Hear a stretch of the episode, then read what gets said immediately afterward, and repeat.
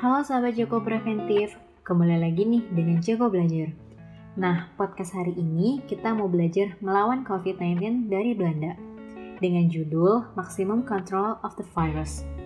Biar nggak terlalu lama, yuk kita bahas.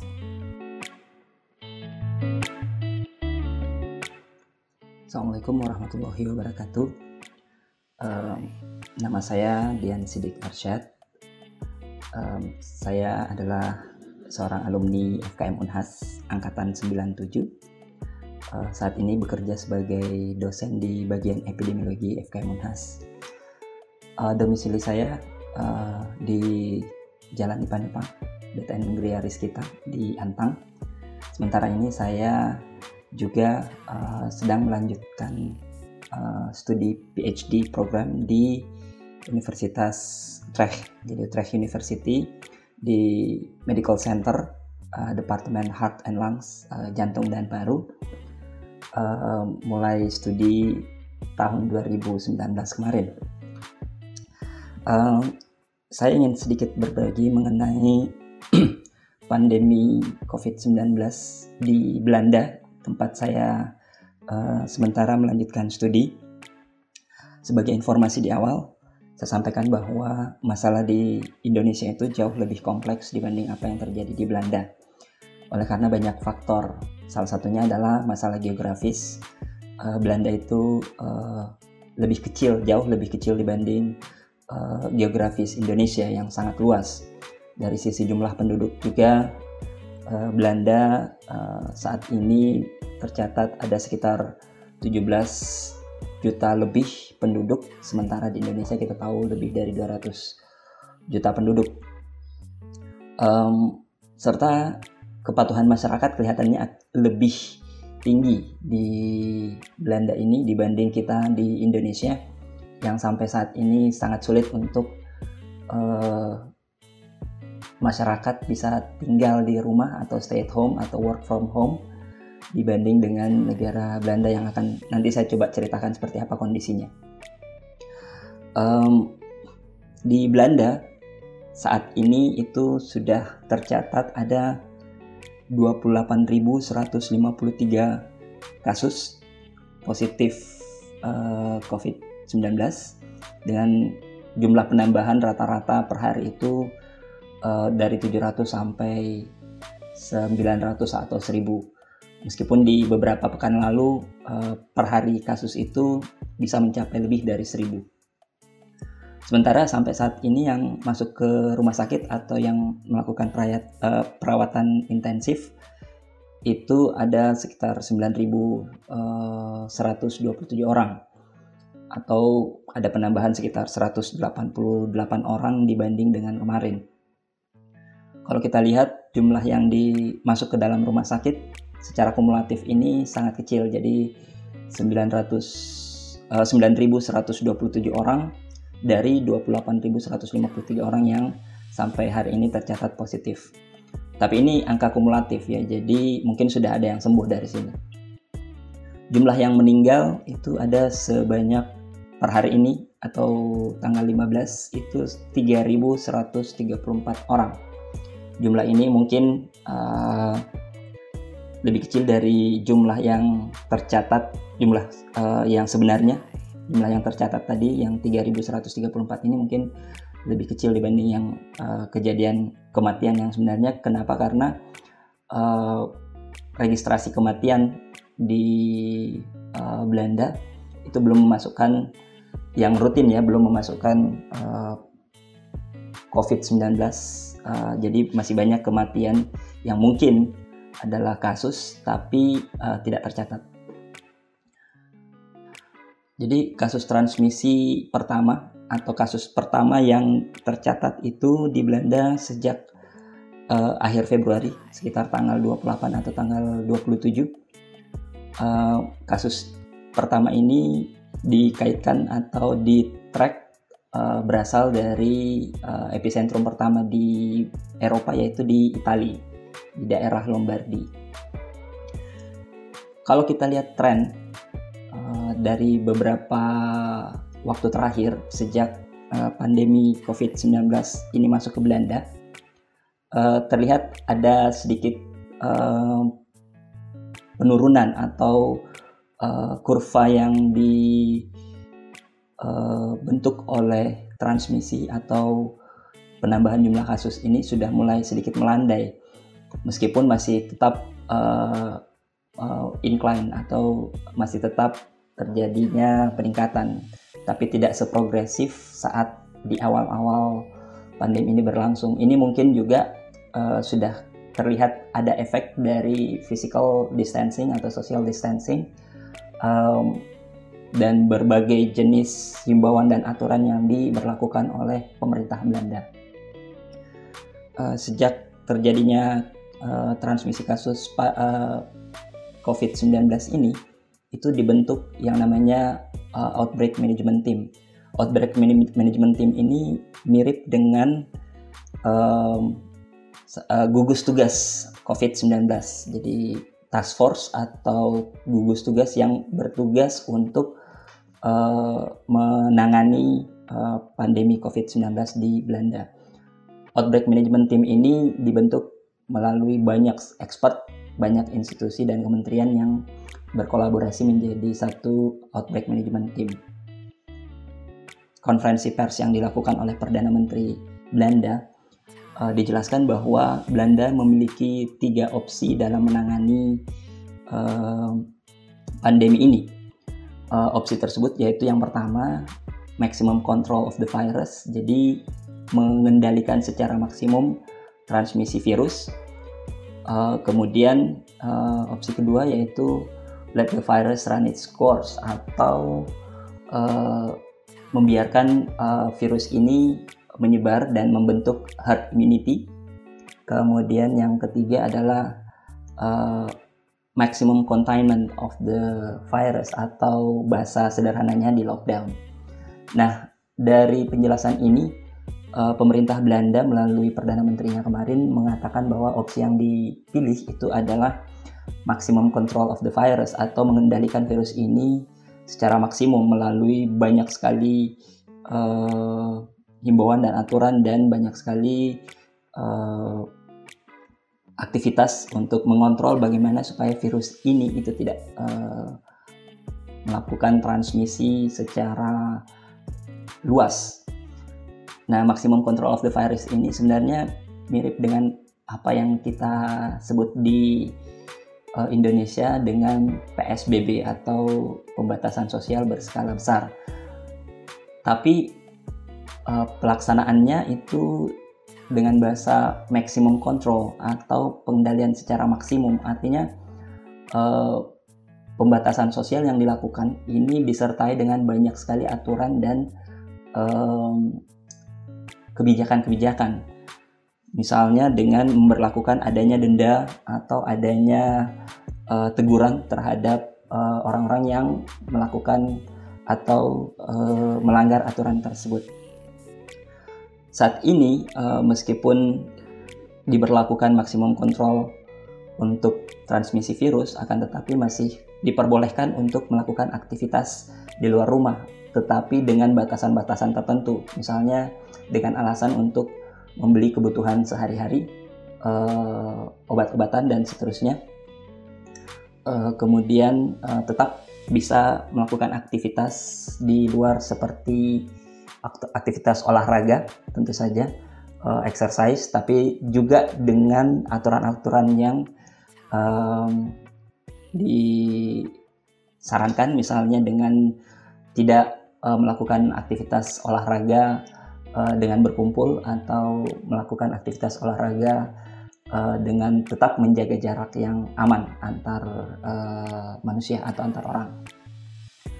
Uh, secara umum juga tindakan-tindakan preventif uh, secara nasional diberlakukan, misalnya menghimbau untuk tetap uh, tinggal di rumah seperti yang saya sampaikan tadi, mencuci tangan setiap saat, dan kemudian ada enforcement atau penegakan uh, aturan melalui uh, institusi yang uh, berhak untuk menegakkan uh, aturan seperti misalnya polisi atau militer ada tadi yang saya sebut juga ada denda yang diberlakukan untuk mereka-mereka yang uh, melanggar aturan tersebut.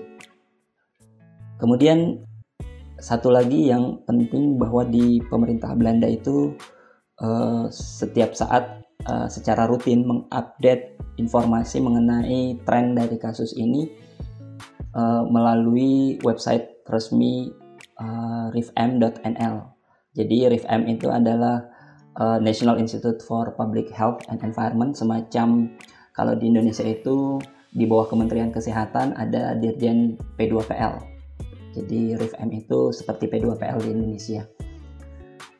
Di Belanda juga um, sejak awal dari uh, transmisi sudah mulai meningkat tajam.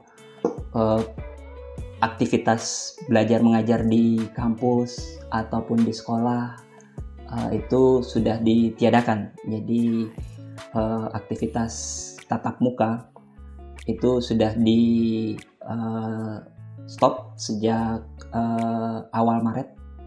Kemudian pertemuan-pertemuan yang melibatkan banyak orang itu juga uh, ditunda atau bahkan dibatalkan termasuk tempat-tempat wisata yang kita tahu bahwa Belanda itu merupakan salah satu destinasi uh, wisata di Eropa. Itu juga semuanya ditutup dan di apa namanya dibatasi uh, bahkan ke tempat-tempat umum seperti taman itu juga masuk dibatasi. Tidak bisa uh, biasanya. Nah, seperti tadi yang saya sebutkan bahwa ada denda. Denda ini pun secara resmi tertulis di uh, website tersebut yang saya sebutkan tadi. Uh, misalnya apabila ada yang melanggar aturan uh, mengenai berkumpul atau uh, tidak menjaga jarak satu dengan yang lain itu dikenakan denda untuk uh, mereka yang berusia lebih dari 18 tahun itu ada denda sebesar 390 euro atau mungkin kalau dikonversi ke dalam rupiah sekitar 6 sampai 7 juta, hampir 7 juta ya. Kemudian untuk yang kurang dari 18 tahun remaja misalnya itu uh, ada denda sebesar 95 euro. Sementara untuk institusi-institusi atau organisasi atau bahkan perusahaan yang tidak mengindahkan atau mengikuti aturan ada denda eh, institusional uh, sebesar lebih dari 4.000 euro atau sekitar 75 juta uh, untuk memastikan bahwa penegakan aturan ini betul-betul bisa diikuti atau dipatuhi oleh masyarakat. Meskipun secara umum penduduk atau masyarakat Belanda ini sangat uh, patuh terhadap aturan-aturan yang dikeluarkan oleh pemerintah meskipun masih pun ada oknum-oknum yang uh, tetap uh, melanggar aturan sehingga uh, denda ini bisa diberlakukan atau bahkan mungkin sudah ada yang yang kena sanksi tersebut. Nah, um, selain diberlakukannya uh, social distancing atau physical distancing serta maximum control of the virus yang menyebabkan banyaknya aktivitas-aktivitas uh, masyarakat yang uh, secara normal itu terganggu, itu pemerintah Belanda telah memberikan uh, jaminan adanya bantuan-bantuan uh, khusus untuk mereka yang terdampak pandemi ini dengan diberlakukannya aturan-aturan tersebut yang saya sebutkan. Nah, uh, misalnya ada skema sisi dari sisi ekonomi, ada skema reimbursement atau jaminan uh, pemberian kredit. Jadi ada skema pemberian kredit uh, untuk usaha uh, mikro dan kecil. Ini berupa yang tadi kredit garanti. Jadi kalau mereka mau melakukan uh, atau mengajukan pinjaman atau kredit itu mereka diberikan jaminan khusus dengan fasilitas-fasilitas uh, yang uh, lebih longgar dibanding kalau mengajukan kredit secara umum atau secara normal. Kemudian ada juga sistem reimbursement, jadi mirip uh, bantuan sosial tapi bentuknya reimbursement, jadi bantuannya mereka langsung diberikan kepada uh, Eh, mereka-mereka uh, yang secara ekonomi besar sekali dampaknya. Kemudian ada juga uh, misalnya masih dari sisi ekonomi ada skema untuk uh, tetap menggaji karyawan bagi usaha-usaha kecil agar uh, karyawan tersebut tetap uh, mendapatkan kesejahteraan yang layak. Jadi uh, skema untuk tetap menggaji karyawan ini bisa melalui yang namanya employee insurance. Jadi ada asuransi yang bisa diajukan oleh perusahaan untuk uh, tetap menggaji karyawannya ke pemerintah Belanda. Skema secara detailnya saya kurang mengerti, tapi uh, dari sini kelihatan bahwa Belanda memberikan berbagai jenis support baik dari sisi kesehatan tentu saja dari pelayanan kesehatan juga dari sisi untuk kehidupan sehari-hari misalnya menjamin kebutuhan pokok itu tetap ada di eh, tempat-tempat uh, penjualan uh, kebutuhan pokok. Dan juga seperti tadi yang saya sebutkan dari sisi ekonomi ada berbagai jenis skema untuk tetap uh, membantu secara ekonomi mereka-mereka yang terdampak.